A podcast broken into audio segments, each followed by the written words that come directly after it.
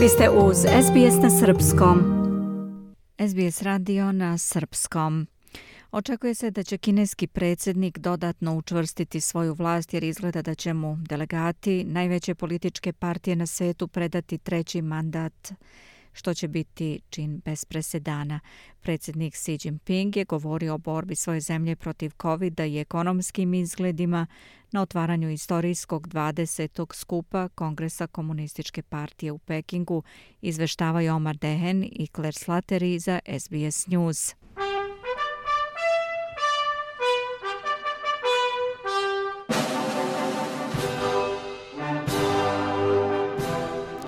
U Velikoj narodnoj dvorani u Pekingu počeo je najvažniji politički događaj u Kini u posljednjih nekoliko decenija. Nacionalni kongres komunističke partije je jednonedeljni skup koji se održava jednom u pet godina i prvi dan počeo je tipičnom pompom i prizivanjem nacionalnog ponosa.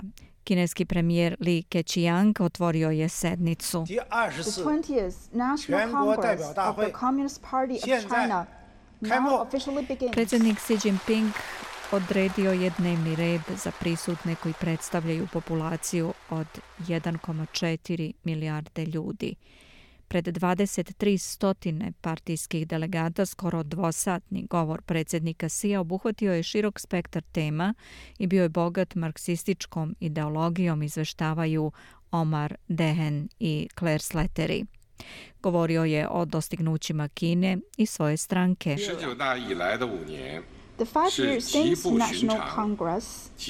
Period od pet godina od posljednjeg nacionalnog kongresa bio je zaista značajan i izvanredan. Centralni komitet partije je sledio strategiju nacionalnog podmlađivanja usred globalnih promjena neviđenih u jednom veku i napravio je velike strateške planove za unapređenje ciljeva partije i države. On je promovisao inovacije, privatna preduzeća i zajednički prosperitet za koje kaže da su temelji za izgradnju moderne socijalističke Kine. Tvrdio je da je Kina iskorenila siromaštvo i izašla kao pobednik nad korupcijom i onim što je nazvao separatističkim mešanjem u pitanja Hong Konga i Tajvana. Uz aplauze predsjednik Xi nije isključio upotrebu sile kako bi postigao svoj cilj ponovnog ujedinjenja sa Tajvanom. Rešavanje tajvanskog pitanja je stvar Kineza, stvar koju moraju da reše Kinezi. Težimo mirnom ponovnom ujedinjenju, ali nikada nećemo obećati da ćemo se odreći upotrebe sile. Nećemo dopustiti mešanje strane sile i delovanje veoma malog dela stanovnika koji su za tajvansku nezavisnost naspram mišljenja većine naroda Tajvana, poručuje Si. Kina smatra Tajvan svojom teritorijom uprkos snažnom protivljenju vlade u Tajpeju koji odbacuje kineski suverenitet i tvrdi da samo narod na tom ostrvu ima pravo da odlučuje o svojoj sudbini. Si se osvrnuo i na borbu protiv covid u kojoj je, kako je naglasio, Kina vodila politiku nulte tolerancije na koronu. Kina je i dalje posljednja zemlja na svetu koja pokušava da iskoreni COVID-19 sa desetinama miliona ljudi koji su trenutno pod delimičnom ili potpunom blokadom, što je stavilo ekonomiju zemlje pod ogroman pritisak.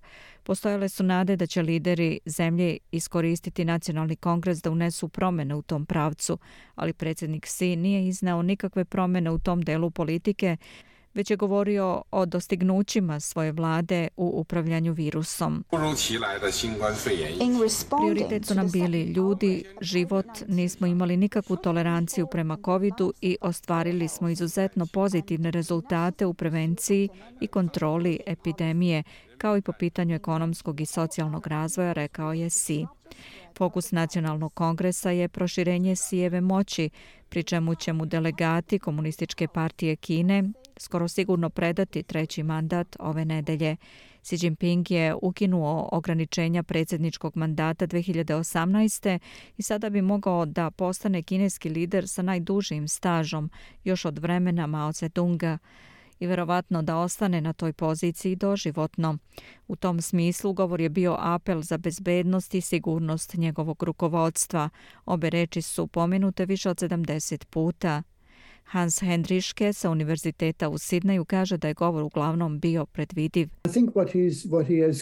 Mislim da je ono što je on rekao veoma široka poruka i ima vrlo malo iznenađenja u tome generalno govoreći. On je potvrdio sve glavne političke smernice, dakle on je potvrdio svoju spoljnu politiku, potvrdio je politiku prema Tajvanu, potvrdio je njegovu ekonomsku politiku i zajednički prosperitet. Dakle, ovo je prilično konzervativan govor u kojem on pokušava da istakne da je ono što je radio prethodnih godina ključno i da će tako nastaviti. Kongres će također izabrati najviše rukovodstvo komunističke partije sa značajnim potresima na vrhu koji se naziru premijer Li Keqiang, koji upravlja drugom po veličini svetskom ekonomijom, je među onima za koje se očekuje da budu smenjeni. Predsjednik je možda aludirao na ovo tokom govora uz tvrdnju da je uklonio ozbiljne skrivene opasnosti i ojačao vođstvo. Možda će predsjednik Si dodatno konsolidovati vlast tako što će svojim saveznicima dati ključne pozicije. Hans Hendriške to komentariše. Na kraju će se o svim ključnim ljudima odlučiti. To će biti objavljeno odmah nakon kongresa, najverovatnije u nedelju. Tada ćemo imati ideju o tome kakvim se ljudima on okružuje. Trenutno ne znamo da li će oni naginjati na konzervativnu stranu ili će biti reformatori ili ekonomski reformatori sa iskustvom. Jednostavno to još ne znamo, kaže on. Viktor Gao je iz Centra za izučavanje Kine i globalizacije. Govorite o veoma, veoma dubokim, velikim kadrovskim promjenama u Kini, ličnosti različitih lidera na različitim nivoima, to će imati veliki uticaj, kaže on. Glavni ekonomista za Aziju agencije Standard Poor's, Luis Quigis, rekao je da će Kina u budućnosti teže usklađivati sebe sa globalnim tržištem, jer Amerika i razvijene ekonomije to otežavaju. Mnoge zemlje uvode mere kojima u osnovi sprečavaju izvoz kineske robe. Ono što je počelo pritužbama na industrijsku politiku Kine, sada se pretvorilo u industrijsku politiku Sjedinjenih država, Evrope i drugih zemalja. Ceo svet se kreće ka mnogo složenijoj ekonomskoj situaciji u kojoj će vlade igrati mnogo značajniju ulogu, rekao je Kojđis. Prema agendama kongresa, koji će trajati do 22. oktobra, bit će razmotren izveštaj Centralnog komiteta Komunističke partije Kine 19. saziva, usvojen amandman na status Komunističke partije Kine kao izabrani članovi Centralnog komiteta i Komunističke partije Kine 20. saziva. Izveštavaju Omar Den i Claire Slattery za SBS News.